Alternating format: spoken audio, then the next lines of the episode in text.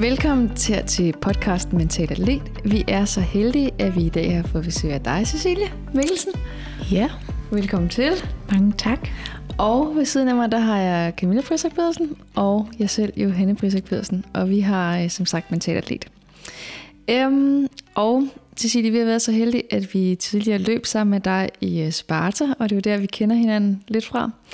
Øhm, og der øh, løb du vildt hurtigt, og du bragede dig ud af, og øh, ja, det var virkelig fedt. Eller vi løb også i nogle andre klubber inden, og så så vi jo sådan, øh, eller vi kunne sådan følge lidt med på Instagram, og det gik godt, og ja, vi synes virkelig bare, at du var øh, vildt sej.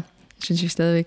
Men øh, den der gang nogle, øh, alligevel et par del år tilbage efterhånden, men øh, hvor vi sådan virkelig øh, fulgte med, og det gik rigtig godt med din løbekarriere. Øhm, og så her for ikke så længe siden, så øh, faldt vi lige over en story, du havde lagt på din Instagram med, at øh, du desværre ikke kunne race mere. Øh, og du har jo haft noget øh, skadesperiode, det vidste vi egentlig godt. Øh, men vi bliver alligevel bare virkelig ærgerlige over at øh, læse den der story, og synes virkelig, det var synd for dig. Øh, og er stadigvæk selvfølgelig ærgerligt. Øh, men så tænkte vi bare, at det kunne også være anledning til en god snak med dig om, øh, hvorfor pokker det er endt der, hvor det, hvor det er. Så det er vildt dejligt, at du har lyst til at lige komme her forbi og snakke omkring det. Ja, så øh, den her episode, det vil være omkring øh, ja, meget dit løb, øh, Cecilia. Vi vil selvfølgelig også øh, komme på banen, og øh, det her med at have en længerevarende skadesperiode, og hvordan man kan øh, håndtere den. Øh, ja, men øh, Cecilie, lige allerførst, vil du så øh, bare lige starte med at fortælle, hvordan at øh, hele din, din løbehistorie den startede? Ja, mange tak. Øhm, og hyggeligt. øhm, ja, det er jo, altså, ja, men nu faldt jeg bare lige over, at du nævnte, det er synd for mig, og der må jeg også kommentere lidt, at ja, det kan godt være, men hånden på hjertet, så er det også selvforskyldt. Øhm, men selvfølgelig, man, man bliver jo klogere øh, med årene og med sine erfaringer forhåbentlig. Men øhm, men ja, det, det gik jo vildt godt. Øhm, jeg startede med at løbe for, for en del år siden, og det gik bare fremad øhm, i, i en del år, hvor at, øh, min, min far startede med at tilmelde mig og min storebror ham et halvmarathon. Øhm, og det fandt vi lige pludselig ud af, at, at det var jeg sgu egentlig ret god til, sådan i forhold til, at det var første gang, og ja, så, øh, så kom jeg jo ind i, i, en, i en ret god tid, og kunne lig, ligesom mærke det her med, okay, at løbe over målstregen, det gav et, et virkelig godt kick. Øhm, og så holdt jeg lidt fast i det her løb, og løb bare som, I ved, vinden blæser, så løb man lige 10 km her og 10 km der, og hovedet under armen, og så afsted. Og nogle gange gik det lidt hurtigt, og nogle gange gjorde det ikke. Øhm, Jamen, og så, så fandt jeg, så startede jeg på CBS, hvor at det, øh, der var CBS Running, et lille bitte hyggeligt community, øh, hvor at øh, vi begyndte at, at løbe sammen, eller jeg begyndte at løbe sammen meget sammen med dem. Øhm, og der blev jeg ligesom også sådan introduceret til at løbe intervaller, og fik noget struktur på mit løb, og det synes jeg også var fedt og motiverende at løbe sammen med andre. Øhm, og så sammen med CBS Running var vi med til at starte øh, Adidas Runners, som var, ja dengang var det jo vidderligt bare et, et par enkelte mennesker, der mødtes i, i ny og næ, og så fik vi nogle t-shirts, og vi løb rundt med nogle flag, og løb en tur og tog nogle billeder, og så ja, i forhold til, når man ser, hvor de er i dag, det er jo det er virkelig fedt at tænke på i forhold til, hvor det startede. Det, det fandt mig imponerende.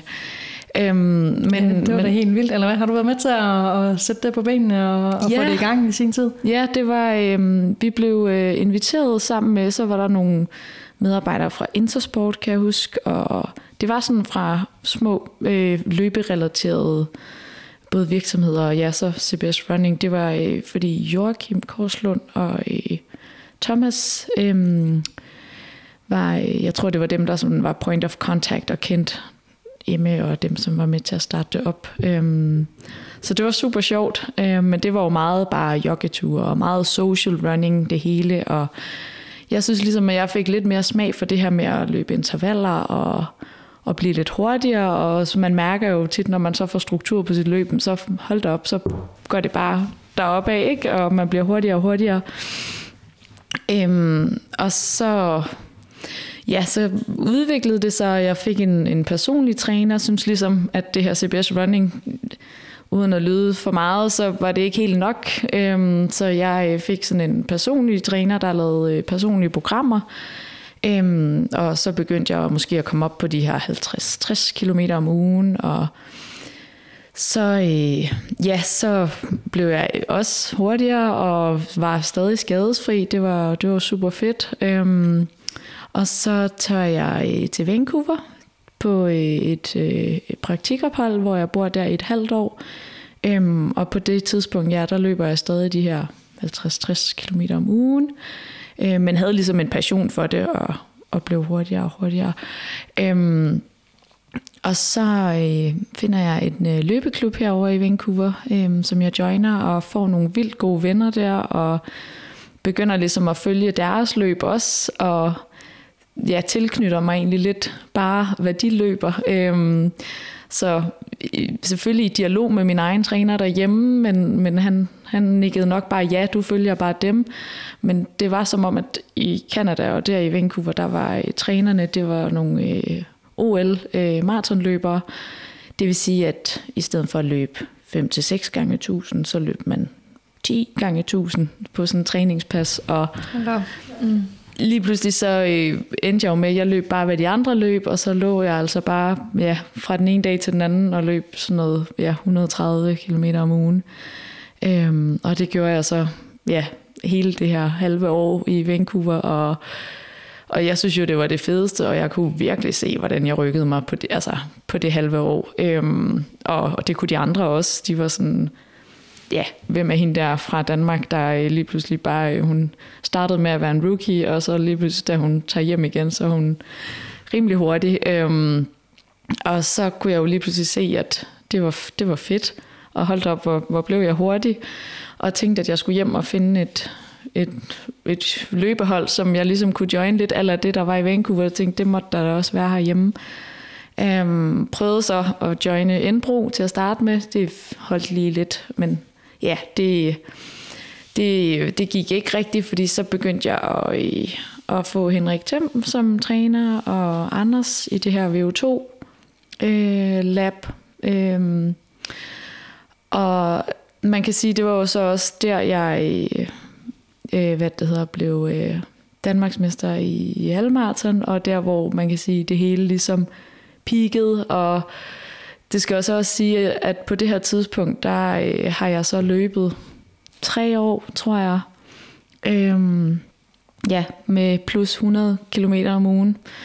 Nogle gange 100, eller oftest 130, nærmere det, øhm, og jeg tror næsten, det kan tælles på to-tre hænder, hvor mange hviledage jeg har haft. Øhm, det, ja, hånden på hjertet, så det var meget. Og jeg vil også sige, at når jeg tænker tilbage, så kan jeg godt huske, at jeg snakkede nogle gange med nogle af dem, man løb med. Sådan, det var godt nok imponerende, at jeg ikke var blevet skadet endnu, 7 13, og at, ja, at, at jeg bare kunne gå fra 0 til 100. Altså vi snakker om fra den ene uge til den anden, så gik jeg fra at løbe 60 til 130 om ugen. Ikke? Øhm, det var nok ikke helt godt hvis man lige kigger tilbage, og det var en af de ting, jeg måske burde have lavet om. Um, Men vildt nok, at du alligevel har kunne holde til det i så lang tid jo. Lige netop. Ja. Indtil jeg ikke kunne det mere. Mm. Um, og så også det her med, når man ikke har været skadet før. Og så kan jeg jo godt mærke, at der var noget i, i baglåne, der begyndte at spænde op. Um, ja. Og så, ja, så, kunne, så begyndte jeg at løbe med Sparta i Team R, fordi det her øh, Sparta Project 18, det blev lidt for meget for mig. Det blev for meget fokus på, på races, kan jeg huske. Det tog lidt overhånd øh, mentalt. Jeg synes, at, at det var for hårdt. Øh, for hårdt for mig mentalt at skulle... Det var meget, vi skulle præstere, ellers så var det ikke godt nok. Øh, så jeg øh, joinede øh, ja, Sparta Team R, hvor at, øh, der var en lidt, jeg føler, der var en, en, eller er en lidt mere rolig tilgang til det, og lidt mere det her med at lytte til din krop, fordi jeg var også nået til et punkt, hvor at, der står, at jeg skal løbe det her, der var altså no mercy, der var ikke noget mere at mærke efter, fordi man var lidt sådan kronisk træt, tror jeg. Øhm, og det var også også det, jeg kunne mærke i min baglov, at de var sgu nok trætte. Øhm, og så begyndte det at gøre sådan lidt, lidt ondt, når jeg løb rigtig hurtigt, sådan sprint-sprint, men i ved, det, det var jo fint nok, fordi jeg havde egentlig også at sprinte, så kunne jeg jo bare ikke gøre det. Så var der en undskyldning for ikke at løbe det, men, men blev stadig ved med at løbe. Øhm, og heller ikke lige så meget, men lå der stadig omkring de her 100 km om ugen, som jo er meget. Øhm, og især i forhold til, hvor, det, hvor jeg er nu. øhm, og så, ja, så tog det lidt til, og det begyndte at spænde mere op, og så kunne jeg ikke løbe, hvad der svarer til en altså 5 km fart. Det var jo egentlig også okay, for det var jo heller ikke lige favoritdistancen, vel? Men, men sådan på intervalpas, så var det nok lidt nederen, men det var fint nok. Jeg kunne stadig løbe relativt hurtigt og løbe nogle gode tempopas og løbe langt. Men så er det sådan bygget sig op, øh, og når man netop ikke har været skadet før, så, øh, så er lidt som om det der med at stoppe op, mens lejen er god, det eksisterer ikke rigtigt. Det er lidt som om, at jeg skulle opleve det på den helt hårde måde. Så det vil sige, at jeg kunne kun løbe langsommere og langsommere, før det ligesom gjorde ondt. Og så til sidst, så, ja, så kunne jeg kun jogge. Øhm, og det var lidt der, hvor det ligesom gik op for mig, at okay, nu, nu er der noget galt. Øhm, nu er der noget grueligt galt. Øhm, og det var så også, da corona kom, det er i 2020, øhm, så kan man jo så også se, hvor lang tid det har stået på, mm. ikke? og det ligesom har bygget sig op. Øhm, og der er lukket fitnesscenterne, så der var ikke rigtig noget alternativ træning, og så set tilbage var det jo nok super dumt, men så man skulle ud, jeg skulle ud og have mit luft. Altså så, ja, jeg kunne kun jogge, men så måtte det jo være det, og det gjorde nok lidt ondt, men, men det, ja, det holdt mig sgu ikke tilbage, fordi jeg skulle væk fra den lejlighed, som man var inde og spærret i, når man nu kunne. Øhm, og det er lidt lige siden der, jeg faktisk har prøvet at komme tilbage med diverse fysioterapeuter og genoptræning og shockwave og øh, blokade og alt, hvad jeg nu end har prøvet. Øhm, ja, og så er det der, hvor jeg står der i dag, at det desværre, eller en konklusion fra idrætsmedicinsk på Bispebjerg, det er ja, blevet en kronisk skade, fordi at jeg så har er blevet ved med at, at provokere det, ikke? Sådan for lige at gøre afslutningen lidt mm. kortere. ja, men hvornår, øhm, altså hvornår, tænk, hvornår går det sådan op for dig, nu, nu det er egentlig ret skidt, eller sådan, nu, nu bør jeg egentlig lave en anden handling, eller sådan, og det virker til, at du har fortsat i, ja, ah, det går nok også over, det, det bliver nok bedre, eller sådan, eller kan du så næsten huske en begivenhed, eller et tidspunkt, hvor du tænker sådan, ej, nu er det også alligevel, nu skal jeg til at, at lytte til den her krop, eller hvad den siger. Ja, det var helt klart, da jeg sådan ikke kunne løbe maratonfart mere, uden det spændt op. Øhm, og begyndte så at se en fysioterapeut, øhm, som prøvede at hjælpe mig tilbage, og vi gennem, jeg stoppede med at løbe, og vi startede altså, styrketræning. Det mente han var, var vejen frem, øh, og jeg fik også en blokade, øh, som virkede i to uger, men så gik det jo væk igen. Og jeg tror lidt, at, at sådan her under det her styrketræningsforløb, der kom jeg faktisk også tilbage igen øh, hvor jeg så øh, kunne løbe med Adidas igen, og kunne, sådan, vi, vi startede også meget, meget roligt op med løbegå, løbegå, øh, og skruede helt forsigtigt op og bevarede ligesom styrketræningen. Men lige så snart jeg ja, skruede lidt på øh, og skruede lidt op for tempo, og set tilbage igen, så var det også første gang, jeg skulle tilbage fra en skade. Så jeg ved, lige så snart man så tænker, ej, nu er jeg helt tilbage, så tror jeg, at jeg fik skruet for hurtigt igen. for meget op til sidst, fordi sådan, om nu kan jeg jo følge med, så løber jeg igen, hvad de andre gør. Øh, og løber med på alle intervaller, og der var jeg jo bare, bare igen ikke klogere, så fik jeg tilbagefald, og jeg kunne mærke, at det, ja, det blev sgu rigtig skidt, og det begyndte at gøre ondt. Og så kunne jeg godt mærke, så havde jeg lige brug for en pause fra det hele, tror jeg. Øhm, og så fandt jeg, eller fik, blev jeg kærester med Tobias, øhm, som jo er en rigtig cykelmyg. og øh, han havde en øh, racercykel, jeg kunne købe af ham, så det var jo helt perfekt, og så kunne man jo prøve det. og det var jo egentlig også meget sjovt. Øhm, så jeg begyndte at cykle ret meget, øh, og fandt ligesom, okay, fandt ud af, at det giver ikke helt det samme som løb, og det er mere tidskrævende, men det giver alligevel det der med at komme ud øh, og ikke stå på cross-traineren, fordi den var jeg, altså den, den har kørt mig faktisk sådan psykisk ned. Det skal jeg ikke tilbage på, sådan en maskine igen. Øhm, det kan vi komme tilbage på på et andet tidspunkt, fordi det er godt nok noget, der, hvor jeg har lært noget om mig selv. Men den her cykel her, den, den kunne ligesom give mig noget. Øhm, og så prøvede jeg en, nærmest en hel sommer, og så gav jeg den bare gas på det, og havde egentlig, sådan, egentlig ikke behov for at løbe lige så meget, fordi jeg fik også det sociale ud af at cykle. Øhm, og så startede jeg så til fys igen, fordi jeg var sådan, ej, jeg vil sgu gerne tilbage til løb. Men prøvede så en anden fys, fordi man tænkte, nej, det gik jo ikke sidste gang. Var det hans skyld? Det var det nok ikke, men vi prøver lige en anden, øh, og se om han har et andet take på det. Øhm, og det var jo lidt det samme, som den samme konklusion, også fra diverse scanninger og sådan noget, at jamen, det er betændelse, det er noget, der skal styrketrænes væk. Der er ikke et quick fix. Øhm, men men sådan det, det, som alle fysioterapeuter ligesom har sagt til mig, er, at at jeg sagtens kan lave det alternative træning, og jeg kunne sagtens cykle, så længe det ikke gør ondt, øh, og gøre det alt det, jeg vil, uden at det gør, så længe det ikke gør ondt. Og der tror jeg igen, at ja, der, øh, der har det nok slået lidt fejl i mit øh, hoved, og at jeg har nok mere haft brug for en, der faktisk sagde til mig, du skal ikke lave alternativ træning. Du skal løbe det, du kan, og så skal du styrketræne. Fordi at så, ja, så overgjorde jeg nok bare cyklingen. For det gjorde ikke ondt, altså det har det ikke gjort, men hvis man nu, nu hvor jeg sidder og lægger to og to sammen, så ved jeg jo godt, at man bruger sin baglov, når man cykler. Øhm, så det, er jo, det har jo stadig provokeret, og det tror jeg også er, det her med alternativ træning, det er, det, ja, det er jo rart, at man kan lave noget andet for cyklen. Det er der jo mange, der kender. Men, men jeg tror virkelig også, at, at der er rigtig mange, der glemmer det her med, at det belaster altså stadig. Det belaster på hele kroppen, altså og stresser kroppen, øh, hvor at den måske bare nogle gange har brug for ro og restituere. Ikke? Øh, så det, ja, jeg har jo bare belastet det hele sommeren også, og prøver det så igen at starte forfra med styrketræning og det er hver eneste gang, at det, det er jo fint, når jeg så starter lige så stille op og løber de her 1 km ad gangen og sådan noget, men lige så snart jeg begynder at skrue tempo på, så, så er det der, det begynder at, at spænde op. Øhm, så ja, det, jeg ved ikke, om der er et tidspunkt, der er nok flere tidspunkter, hvor jeg har set det. Ja, nu, nu er det nok ikke så godt. Nej. Men hvad, hvis vi skulle have et indblik i din, altså hvad var alternativ træning dengang? Altså bare for forståelsen, at jeg tænker, at de her fysioterapeuter, de tænker jo højst sandsynligt også, at de har sagt, jamen øhm, du er i god form og så videre, og du kan sagtens lave noget alternativ træning, så længe det ikke gør ondt, som du øh, beskrev.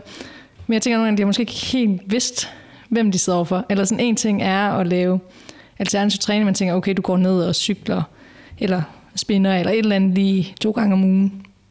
Undskyld. Men øh, det tænker jeg ikke, at det, det, altså det ved jeg jo ikke noget om. Men om det er det, du har gjort, eller har du, altså hvor meget har du trænet, når du træner alternativ træning? Jeg har været meget ærlig over for mine fysioterapeuter. Det er, fordi ellers er det jo penge ud af vinduet. Og sådan har jeg også lidt haft det. Og lige nu sidder jeg også lidt med en følelse af, sådan, åh, var det bare penge ud af vinduet, fordi hold op, man kan hurtigt bruge mange penge på det, ikke? Mm. Øhm, men, men jeg har været meget ærlig, og det har været, altså det er jo også det, så jeg har jo fået at vide, så længe du ikke overgør det, og når man kommer fra at er vant til at løbe hver eneste dag, men så tænker man, så er det jo, ja, så har det været enten spænding eller ud at cykle, og det var så også lidt det, så synes jeg jo, det var det fedeste at cykle ude, og så lige pludselig så cykler man med nogle andre, og der lige pludselig så har man været ude på sådan 100 km på en onsdag aften. Øhm, og det er jo også mig selv, der altså er en, en spade, men der, der bliver jeg bare grebet af det, kan jeg mærke. Øh, og så når man følger de andre piger, der også cykler det, så ja. Og en, har en kæreste, der er øh, ja, en gammel professionel cykelrytter, ikke? hvor man sådan, der bliver, alting bliver ligesom lige sat i et helt andet perspektiv. Øhm, og så skulle vi cykle Danmark rundt her sidste sommer, så, så var det ligesom om, okay, så skal jeg ligesom træne op til det. Men jeg havde sgu nok ikke behøvet at cykle så meget, som jeg gjorde. Altså, og, og cykle de, de ture, vi nu tog rundt om Danmark. Så ja, altså, ja, alternativ træning, det jeg tror også, det var fordi på det tidspunkt, jeg havde en idé om, at jeg skulle bare være tilbage og være i den samme form. Så jeg skulle bare gå til spinning, og jeg, ja, eller stå på cross-traineren indtil den fik mig helt ned med nakken. Ikke? Um, så det er først sådan her for nylig, eller ej, nogle, nogle måneder siden, men i hvert fald der, da jeg fik den konklusion også fra idrætsmedicinsk, at jeg ligesom var sådan, okay, nu, jeg, jeg gider ikke engang at prøve, øh, tror jeg, øh, at komme tilbage, fordi jeg synes ikke, det, altså jeg synes ikke, at det skal ikke være, hvad kan man sige, det skal være sjovt. ja, og det, på det tidspunkt, der var det meget pligt. Øh, rigtig meget pligt. Øh, man prøver måske at fortælle sig selv, at ej, det er det fedeste at gå til spinning, men klokken halv seks om morgenen måske ikke sådan helt fedt altid. Og jeg tror også, at, at noget af det farlige ved mig er også det her med, at jeg, jeg nok også lidt har en ryggrad, som er lidt, lidt stærkere end, end, end de fleste, især til det her med morgentræninger. Øhm, og så igen, når man har sat sig noget for hovedet og er vant til at, at træne hver dag. Øhm, ja, og man sætter uret der til klokken lidt over 5 om morgenen. Øhm, man når jo ikke at mærke, om ens krop er træt, fordi den er altid træt klokken 5 om morgenen. Og så er det bare op og afsted, og så tager man den der time, halvanden time spinning hver, eller de morgener der, ikke? Øhm, så, så det er både en, en, en god ting og en skidt ting, det her med at have, at have en, en lidt for stærk ryggrad til, når man har sat sig noget for, så gør man det. Og fordi så man glemmer lidt at mærke helt efter, ikke? Ja, ja, for det er da helt sikkert også en styrke, jo, og det er også det, der gør, at du har været så god jo. Altså, du også bare kunne øh, ja, træne, selvom du har været træt, og øh, ja, blive ved, selvom det har været hårdt. Altså sådan, så er det så bare det, det der med, at man lige får ja, stoppet igen. Så.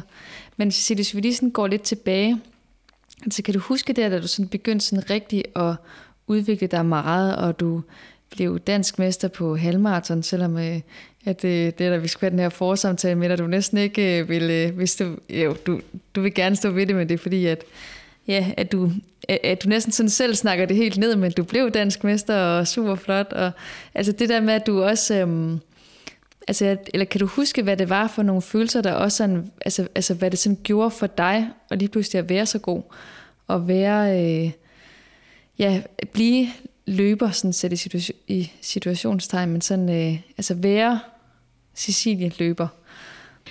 Altså ja, ja lige det, den der Danmarksmestertitel, jo, den står der på CV'et, fordi det, den kan, og den er der, men, men jeg, ja, det var ikke den flotteste tid, man lige vinder i, og også hvis folk så det på tv, så løb jeg jo også udenom den der vinder, øh, den der vinderbanner, fordi at det kunne sgu da ikke være mig, der vandt det der, men øh, men det, det gjorde jo helt klart noget, og jeg vil faktisk hånden på hjertet, så, så kan jeg tydeligt huske, at det stressede mig ret meget faktisk, fordi jeg følte lige pludselig, at wow, nu er der altså nogle forventninger, både over for mig selv, og jeg tænkte også med det samme, shit mand, hvad forventer folk udefra ikke nu? Altså nu er det mig, der er i, øh, i fokus, og nu skal jeg løbe endnu hurtigere og blive endnu hurtigere. Øhm, det var selvfølgelig den sjoveste aften, efter jeg havde vundet, fordi ja, det, var, ja, det var lidt mærkeligt øh, og en kæmpe fest, men, men jeg kan godt huske, det stressede mig ret meget. Øhm, men jeg, når jeg også tænker tilbage, så var jeg også lidt meget selvforskyldt i de her forventninger, som jeg troede, fordi jeg aner jo ikke, hvad, om, jeg tror ikke, der er nogen, der har haft nogen forventninger til mig, fordi også når man ser nu, altså det er jo, jo, så hæpper man der på folk, men, men det er jo ikke, fordi man, man tænker sådan, for, ja, forventer noget af dem, der ligesom er, er hurtige. Øhm, eller det gør jeg i hvert fald ikke. Øhm, men, men jeg havde jo ligesom også skabt noget på Instagram selv, øh, og det kan jeg godt mærke, at det, det var jo mig selv, der havde skabt det. Jeg havde ligesom lavet en, en helt profil, som var... Folk troede jo kun, jeg løb. Folk troede, jeg led af det. Øh, og så ikke, når jeg var i byen med veninderne, og nu er det så ikke andet på min Instagram. At nu er det kun... Øh, ja, øh, så, så jeg vil også sige, at det var lidt selvforskyldt, de, de her forventninger, som var skabt, og jeg kan også godt se, de, de hænger, mig, øh, de hænger i mig stadig. Øh, bare her sidste uge, det er sådan lidt, lidt sjovt, men når jeg ligesom prøver lidt at jeg prøver ikke at slippe af med, og, med den her identitet og de her forventninger, men alligevel, jeg vil jo ikke have, at folk skal tro, at, at jeg er på vej tilbage for at blive Danmarksmester igen, eller et eller andet. Øhm, men jeg var øh, skulle spise frokost med en kammerat, øhm, og skulle møde ham på hans arbejde, og træde ind i receptionen, hvor øh, receptionisten sådan smiler meget stort til mig og siger sådan, Gud, hej, sådan, hej. det, det er da Cecilie, ikke? Sådan, jo, jeg skal bare mødes med en kammerat, jeg tror, han kommer nu. Jamen, du løber jo i Sparta, siger hun så. Du blev Danmarksmester i halvmarathon. Og der kunne jeg godt mærke sådan, altså varmen lige sådan steg op i mig, og tænkte sådan, ja, det var, det var gode tider, det er så også, hvis jeg lige kigger på uret, sådan cirka 4-5 år siden nu, men, øh, men det der med, at, at wow, folk følger faktisk altså, stadig med, selvom jeg tror, mit sidste opslag er fra august 2022, ikke? Øhm, men også husker der, som det, altså, at det, det, hvis hun har måske startet med at følge med i, i den tid, så er det stadigvæk det, hun tænker, tænker jeg. Eller sådan, ja. Lige præcis, og det, der kan jeg godt mærke, det er sådan, åh, det ved jeg sgu ikke lige helt, hvordan jeg har det med. Øh, og slet ikke, altså dengang, da jeg netop vandt, det, det påvirkede mig rigtig meget. Og jeg tror egentlig, jeg havde lidt brug for at sætte en dæmper på det, fordi jeg ikke vil have de her øh, høje forventninger. Øh, og det her pres, fordi jeg fungerer altså ikke til at, at løbe under pres. Så det er som om, så gør jeg Rasmus modsat, og så, så har jeg slet ikke lyst. Nej, ja, men altså det, ja, eller det er jo øh, altså vildt, eller altså øh, tankevækkende også, at du sådan siger, at det næsten var, fordi det der, det er jo drømmen for mange, altså at blive dansk mester på halvmarathon. Øhm, og så er det ligegyldigt, hvilken tid der man bliver det i, og hvad der ellers bliver løbet nu og sådan noget. Du var den, der stillede op den dag, og du vandt. Øhm, så sådan at, altså det er jo bare, øhm, ja, meget sådan modsat, øh, hvad skal man sige, det er, øhm, ja, modsatrettet. Altså sådan, at det var, at det nærmest bare gjorde tingene mere trælse for dig. Eller så man tænker, at for mange, så vil det sådan virkelig være motiverende. Altså, uha, nu, nu kan jeg det, og man får måske mere opmærksomhed, og man får mulighed for at gøre nogle andre ting. Men for dig, der var det bare ja, modsat. Øh, ja, det var ikke decideret, det var fedt. Altså, jeg vil mm. også sige, det var en fed bølge at ride på, men, men det gav helt klart et, et pres op i hovedet. Ikke? Ja. Og lige pludselig, så, hvis man havde et dårligt træningspas, så kunne jeg næsten, jeg kunne ikke gå hjem og græde, men så var man sådan lidt, meh, om aftenen eller sådan noget. Ja, at så tænkte du, at så, øh, åh, nu kan jeg alligevel ikke, eller nu tror folk, at jeg kunne, men nu kunne jeg, kunne jeg ikke, eller ja. Præcis. Øhm, men Cecilie, hvis vi prøver, nu hopper jeg så den anden vej igen, og øh, går tilbage til skadesperioden. Øhm, så bemærkede jeg bare, da du fortalte om, så, så var du, har du sagt det på gangen, at nu er du blevet klogere, og nu er du også, eller set i bagspejlet, så kunne du også have gjort det anderledes. Det sådan, hvorfor tror du, at det var, at, at du, øhm, ja, hvorfor endte du med at træne i den, den træningsmænd, du gjorde, eller, ja, eller hvorfor er man blevet klogere i dag, eller ja? Jamen, det er jo, altså, det er jo en afhængighed. Det er jeg slet ikke bange for at sige. Øhm, og det var igen den her pligtfølelse, øhm, som stadig sidder i mig. Det kan jeg da tydeligt mærke, at den her, de her endorfiner, man får af at træne, men det er bare ligesom, at, at jeg synes, jeg er blevet klogere på at mærke øh, træne lyst, kan man sige det sådan, ja. Øhm, fordi jeg, ja, på det tidspunkt, øhm, altså oplevede, at for eksempel, det var jo cross-traineren, der er det bedste alternativ til løb. Og det var der mange andre, der gjorde, så det prøvede jeg jo også. Og så fyrede man den bare af med, på den med intervaller, og man lignede lidt sådan psycho over i det der fitnesscenter, ikke? Hvor, man tænkte, hvor folk nok har tænkt, hold da kæft, hvad laver hun? Øhm, og, og lige den maskine, det må jeg sgu indrømme, at det, den, den har jeg hadet siden dag et. Men det var jo også det, de andre gjorde, og, og jeg tænkte jo, at jeg skulle tilbage i samme form. Øhm, og det endte endda så gralt en dag, altså sådan, hvor at, øh, man skulle jo gerne have de her endorfiner øh, af at træne, men hvor, at jeg ligesom, hvor det virkelig gik op for mig, okay, det her det er ikke, det er ikke for sjov. Altså, du træner slet ikke af lyst. Nu er det, nu er det ren pligt. Altså, det var simpelthen, at, øh, at jeg fik lavet et, et vildt øh, intervallpas, altså et, et af de her lange, lange intervallpas på en cross-trainer. Øhm, og jeg stiger af, og tårerne begynder bare at, at trille, fordi at jeg, lige siden jeg trådte op, kunne jeg jo egentlig godt mærke, at ej, jeg, jeg, jeg kan virkelig ikke overskue det. Men I ved, så man gør det jo, fordi det var det, man havde sat sig for, og man skulle igennem det her træningspas. Øhm, og, og det der med at, at gå hjem fra et hårdt pas, som man faktisk havde udført til altså punkt og prikke, og man ikke gik hjem og tænkte, det var fandme fedt. Fuck, hvor jeg sej, jeg gjorde det, og øh, selvom jeg måske ikke lige var så motiveret, men at jeg faktisk blev skideked af det. Øh, det der gik virkelig, der, der slog det et eller andet i mig, og var sådan, nu er det her altså ikke, ikke for sjov mere. Øhm, og der var det, øh, ja, der tænkte jeg, at jeg snakkede meget med min træner Christian på det tidspunkt. Øhm, han var også en stor hjælp, øh, og pressede slet ikke til, at man skulle bruge den her cross-trainer. Det var helt op til mig selv. Øh, og hvor jeg så måske faktisk begyndte at lytte lidt mere til ham, og øh, havde en dialog med ham, hvor han ligesom også sagde til mig, at øh, ja, den besked glemmer jeg aldrig, at han skrev til mig, at, øh, at en cross-trainer, det er til at sætte potteplanter på, øh, og ikke noget andet, hvis man ikke vil det. Øh, men jeg kunne ligesom også godt se, at den her sparring med Christian var ikke helt nok, så jeg øh, kontaktede en, øh, en sportspsykolog, øh, Jeanette Pydol, øh, som I nok også kender. Ja. Kommer lige her i afsnit øh, 18, må det være. Ja, Udkommer i morgen. Ja. Dejligt. Så kan man høre hende også. Ja, Ja, fordi hun, øh, hun var virkelig en, øh, en rigtig stor hjælp. Øhm, og det er jo så igen også hende, der har været med til, at, at jeg når, øh, eller er nået dertil, hvor jeg er nu. Jeg vil sige, at jeg er stadig lidt skadet i hovedet, tror jeg. Øhm, men det tror jeg også, okay lige nu har jeg også bare tiden til at træne, men, men jeg er blevet meget bedre til ligesom at, at mærke efter på dagen, fordi jeg ikke har et program, jamen hvad har jeg lyst til i dag? Har jeg lyst til at løbe en tur, eller har jeg lyst til at cykle en tur, eller har jeg lyst til at eller øh, hvad det hedder, øhm, styrketræne, eller bare holde fri. Øhm, og, og jeg har ikke den samme dårlige samvittighed ved at holde fri mere, som jeg nok også havde på et tidspunkt. Øhm, og også begyndt at se værdien i hviledage.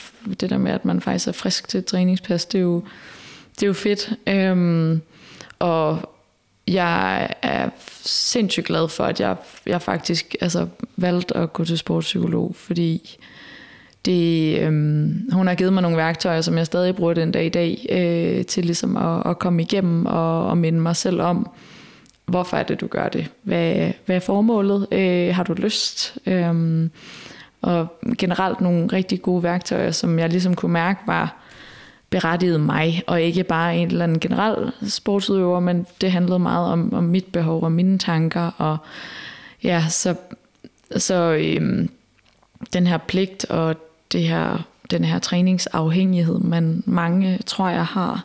Nu skal jeg ikke tale på andres vegne, men den, øh, den har jeg virkelig arbejdet meget med. så for at komme tilbage til dit ja, spørgsmål, så øh, er det nok den største forandring, jeg har, har mm, gået igennem. Det er det der med at ligesom være afklaret med, at okay, jeg ved, at jeg ikke skal tilbage og konkurrere, øh, og, og så blive bedre til at træne lyst. Og det kan jo måske også være noget, øh, der faktisk kan få mig tilbage, altså selvom jeg har fået den her konklusion fra idrætsmedicinsk, øhm, og den gav sådan lidt slip på alt for mig. Øhm, men jeg kan også mærke, at jeg har faktisk haft de bedste løbepas lige siden. Altså sådan, fordi jeg har været bedre til faktisk at mærke efter, bare løbet af sted, og sådan, måske bliver det til 3 km, måske bliver det til 7, måske bliver det til 15 også. Altså, øhm, og så er jeg blevet meget bedre til bare at løbe det på dagen, eller, og, og ikke er bange for at give op, tror jeg. Altså løbe afsted og ikke være bange for, øh, når jeg havde egentlig sat mig i hovedet, at jeg skulle løbe 10 km, men jeg øh, kan mærke det efter tre, jamen, så stopper jeg. Øh, det havde jeg ikke gjort for et år siden. Altså det havde jeg virkelig ikke. Så havde jeg løbet det, om det så gjorde ondt. Øh, og det, ja, det er meget der, jeg, jeg er både stolt af mig selv, men, men jeg har også haft, jeg har virkelig haft nogle mennesker omkring mig, der har hjulpet mig til det. Også Tobias, men øh, ja, han, øh, han er også, fordi han kommer fra den, altså, han, fra den professionelle karriere, så han ved jo om nogen. Øh, han har aldrig prøvet at være skadet før, øh, men, men han ved virkelig kunsten af at, og, og, ja, at holde fri og give kroppen ro, når den kan. Og det er jo måske også det, der forklarer, at han aldrig har været skadet. Mm.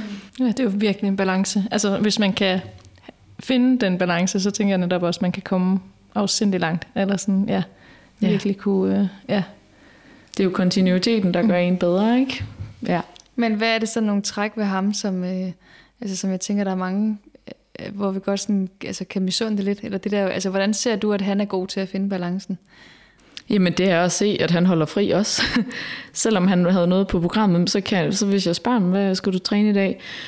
så har han altså flere gange nævnt, sådan, jeg kan sgu mærke, at min krop den er træt, så jeg holder fri i dag, eller tager bare lige op og laver noget udstræk, eller foam rolling, eller core-træning i fitnesscenteret, for lige at bare lige at føle, at man har lavet et eller andet. Øhm, så han har været rigtig god til, øh, hvor jeg sådan, nå ja, nå ja, det, det kunne man jo egentlig også godt. Og, sådan, og også bare generelt, og hvis, hvis jeg har haft sådan en dag, hvor man sådan, jeg, jeg, jeg overgår ikke i dag, hvor han også bare sådan, så lad være. Mm. Nå ja, det kunne jeg jo egentlig også. Men sådan, nej, sådan, så gør det. Altså sådan, så det, lidt sådan talt mig øh, imod, eller sådan efter munden, hvor man sådan, ja, i stedet for at få den der, ej, men du skal bare lige afsted, så, så lad være, hvis du ikke gider. Nå ja, det er du egentlig ret i. så jeg synes, han har været rigtig god til at både stille de rigtige spørgsmål til mig, øh, spørge, hvorfor har du brug for at gøre det, og også bare generelt været et, et kæmpe forbillede i at, at, at mærke efter hans egen krop, øh, og holde fri, når, når han er træt. Så det, øh, ja, Ja, ej, det tror jeg virkelig, det kunne være vigtigt. Eller fedt, hvis alle havde sådan en, der lige spurgte, hvorfor ja. er det en, du træner nu? Eller hvorfor er det, du tager ud af døren her klokken 6, og du ligner noget, der er løgn, der er på vej ud af døren, eller sådan, og du kommer hjem med ja, endnu værre humør, end, end det, du gik afsted med. Eller sådan. Hvorfor er det, du gør det? Øh, det tror jeg, der virkelig kunne sætte nogle refleksioner i gang. Og også det der med, at du beskriver den der, altså nu ser du også træningsafhængighed, og det der med, at man skal jo, jeg tror sådan et af de der lidt kendetegn, er det også, at man skal virkelig gå den der ekstra træning for at få det her kick. Altså du får det jo ikke bare ved at løbe 3 km længere, hvis du løber 130 om ugen. Og så kræver det også, at du også skal træne hårdt for at få det der kick nogle gange. Man føler, nu gør jeg fandme den ekstra, eller hold kæft, det var fedt pas det her. Så man skal sådan hele tiden lave den der ekstra øh, indsats for at få den der følelse. Øh, tror jeg faktisk tit, der er mange, der sådan også beskriver det på den måde. Øhm, men hvordan tænker du, at altså, hvis du nu skulle komme ud af den her øh, afhængighed, eller sådan, hvad, hvad, altså, hvordan ændrer ens tanker sig til, altså nu beskrev du det lidt, men sådan, hvordan ja, kan man gå fra at tænke, at nu skal man afsted til at, altså det er jo lettere sagt end det gjort, at, øh, til at føle, okay, nej, jeg har jo heller ikke lyst i dag, men så siger du, nej, jeg kommer alligevel afsted. Ja, det er jo igen, det er stadig en proces, øh, også for mig, og også det der med, med lidt nu, lige nu er jeg in between jobs, øh, og jeg kan faktisk mærke, at jeg glæder mig sindssygt meget til at starte på arbejde. Øh, også fordi lige pludselig, når man har så meget tid til at træne, og jeg har prøvet sådan, om kunne du ikke begynde at bage, eller lave de der øh, radiatorskjuler derhjemme selv, eller, men jeg kan jo godt mærke, det gider jeg jo ikke. Altså, hvis solen skinner, så vil jeg jo langt til at ud og cykle en lang tur. Men jeg glæder mig også lidt til, at der kommer lidt mere hverdag i den, øh, og man får nogle ting at se til. Øh, og ja, altså, nu spurgte du om mentalt, hvordan man kommer dertil. Ja, ja. Man... Jamen, det er en lang proces jo igen. Det er jo flere år nu, det har stået på. Øhm, så det er nok den der erkendelse af, at hvad er det egentlig? Jeg, jeg spørger tit mig selv, hvad, hvor, hvorfor? Altså, hvad er, det, hvad er det? Hvorfor er det, du vil gøre det i dag? Det er fordi, jeg har lyst. Altså, det er fordi, jeg synes, det er fedt at komme ud. Øhm, eller jeg har lyst til at bruge min krop, eller få pulsen op. Og det ved jeg jo godt lige nu, der er det på cyklen, hvis jeg vil have pulsen helt op.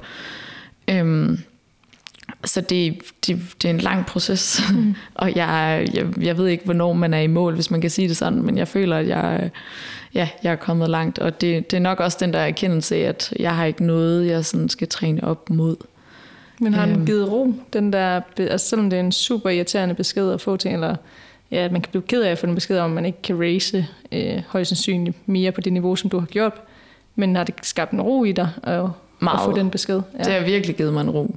Øh, det her, ja, sådan, fordi at jeg jo lidt tænkte, at øh, før det, altså sådan, at åh, jeg kunne godt komme tilbage, men har svært ved at se, hvordan, og har jo også prøvet ja, shockwave i flere måneder, ikke? Og, så det har, jeg tror også, det er lidt den der mm, evige kamp, det er der jo også andre ude på, kan man sige, løbemarkedet, man ser, der prøver at kæmpe sig tilbage, ikke? men det der med den konstante skuffelse, øh, jeg har jo prøvet, altså jeg føler, jeg har prøvet alt, ikke? Øh, også at holde helt fri, det har jeg også, men lige så snart jeg startede op igen, så, så begyndte det at, at mase på igen.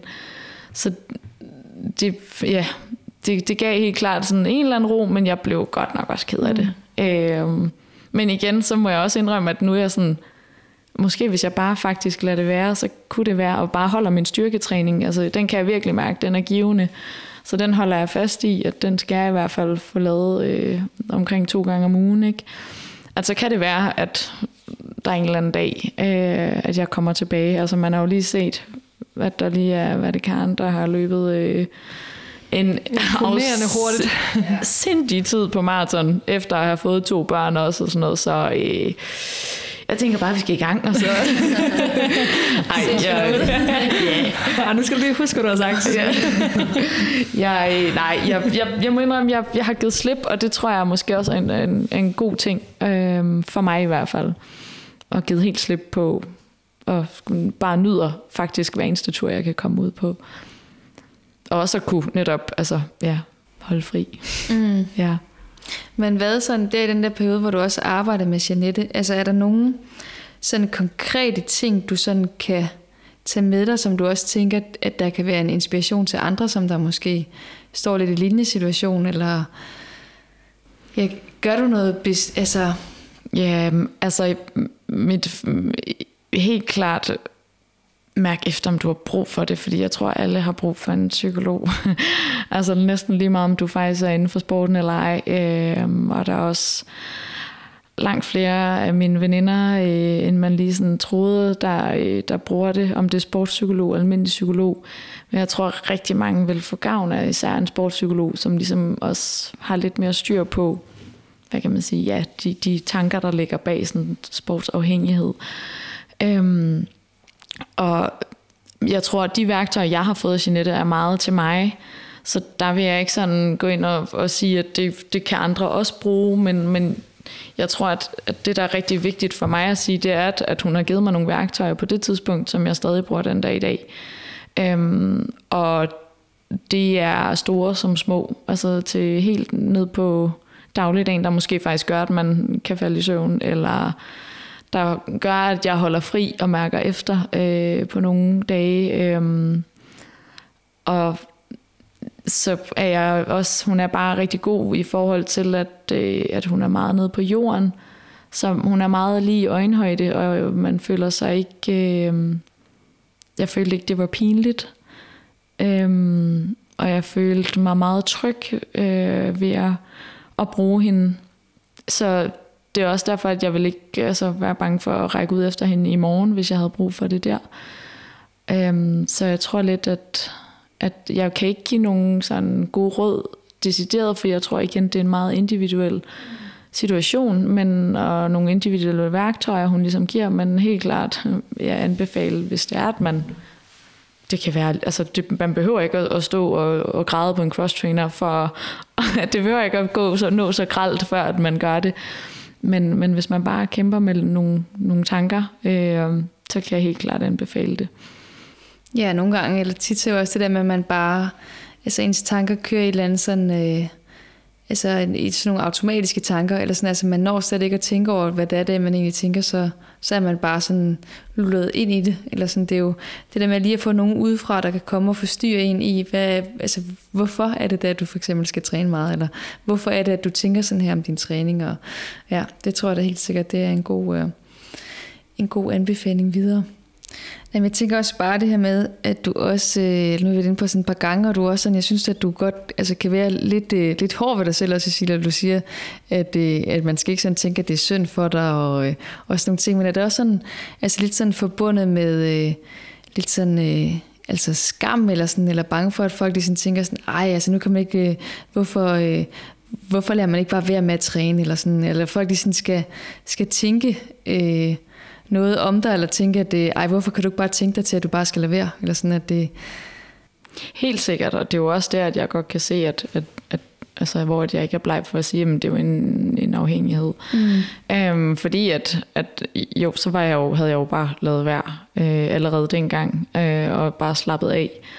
Men, øh, men jeg, jeg, jeg ved ikke, der er stadig noget i mig, der er jo sådan, det tror jeg måske også er, at at så kunne man jo sige, at man burde din fysioterapeut ikke bare have sagt, at du skulle holde dig i ro, men de prøver jo ligesom også at få, at man også skal kunne holde sig op mentalt, så det er derfor, de har sagt til mig, at så længe det ikke gør ondt, men der er det igen mig, der har været øh, dårlig til at mærke efter. Ikke? Øhm, så det kan godt være, at jeg er lidt hård ved mig selv, men det er måske også noget, der, der ligger dybt i en, at, at det er jo min krop, det er jo mig, der gør tingene aktivt, og, og ja, så, så kunne man jo have været klogere dengang, men, men ja, så det, ja, jeg ved, jeg ved ikke, jeg har, jeg har ikke brug for, eller sådan, jeg synes ikke, folk skal som sådan have med lidenhed med mig. Øh, selvfølgelig ville jeg ønske, at jeg øh, kunne komme tilbage, men det, måske gør jeg også det en dag, men, men jeg ønsker helt klart ikke, at, at folk skal tænke, ej, hvor er det mega synd. Øh, selvom, ja, Ja, det ved jeg ikke. Mm, nej, ja, ja. Men det, øh, ja, det giver god mening. Også det at man skal huske, at det er altså en afhængighed. Ellers nu har vi også haft andre øh, ja, atleter herinde, eller sådan, at det er jo ikke... Ja, der er jo, er jo mange tanker i det, og mange følelser i det, og meget øh, ja, kraft bag. Eller sådan, ligesom det ja, nemt at sige, at man bare skal stoppe. Men hvad... Øh, også selvom det så bare er alternativ træning, og man godt kan tænke sig til, at man alligevel øh, belaster sin krop, eller sådan, at det er jo, ja, man gør det jo stadigvæk af en grund, eller man har jo nok et håb om at komme tilbage, som der har været i dit tilfælde.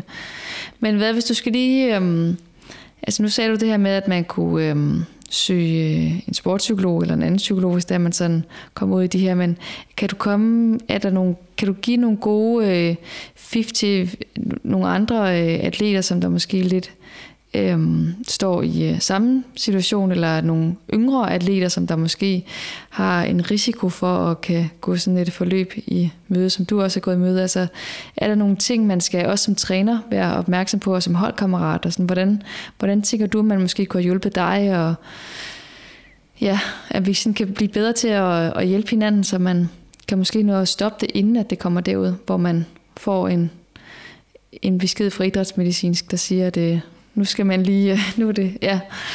Mm. Altså det er nok helt klart at, øh, at være ops på, på dem omkring dig, øh, dem du løber med, men også selv faktisk at være meget åben over for, øh, for måske at, at tale om tingene. Øhm, Hvis man selv kan mærke, at, at uh, det, det begynder altså at, at måske at presse lidt på, eller hvis man bemærker en, en medløber, der måske halter lidt, eller bare lige ømmer sig, eller noget.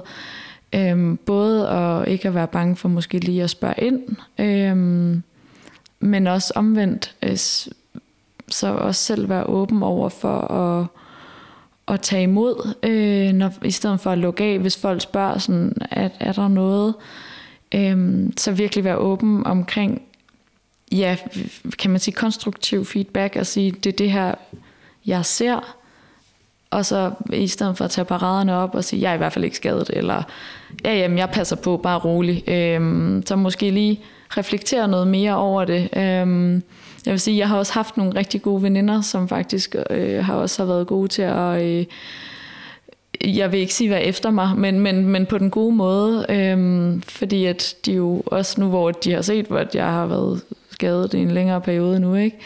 Så netop for også lige at, at passe på mig selv, og de siger det jo er den bedste mening. Øh, og der gør jeg, prøver jeg virkelig at gøre en, en meget stor dyd ud af at, at tage imod øh, med åbne arme og, og reflektere over det, de siger, i stedet for at, at sige dem imod.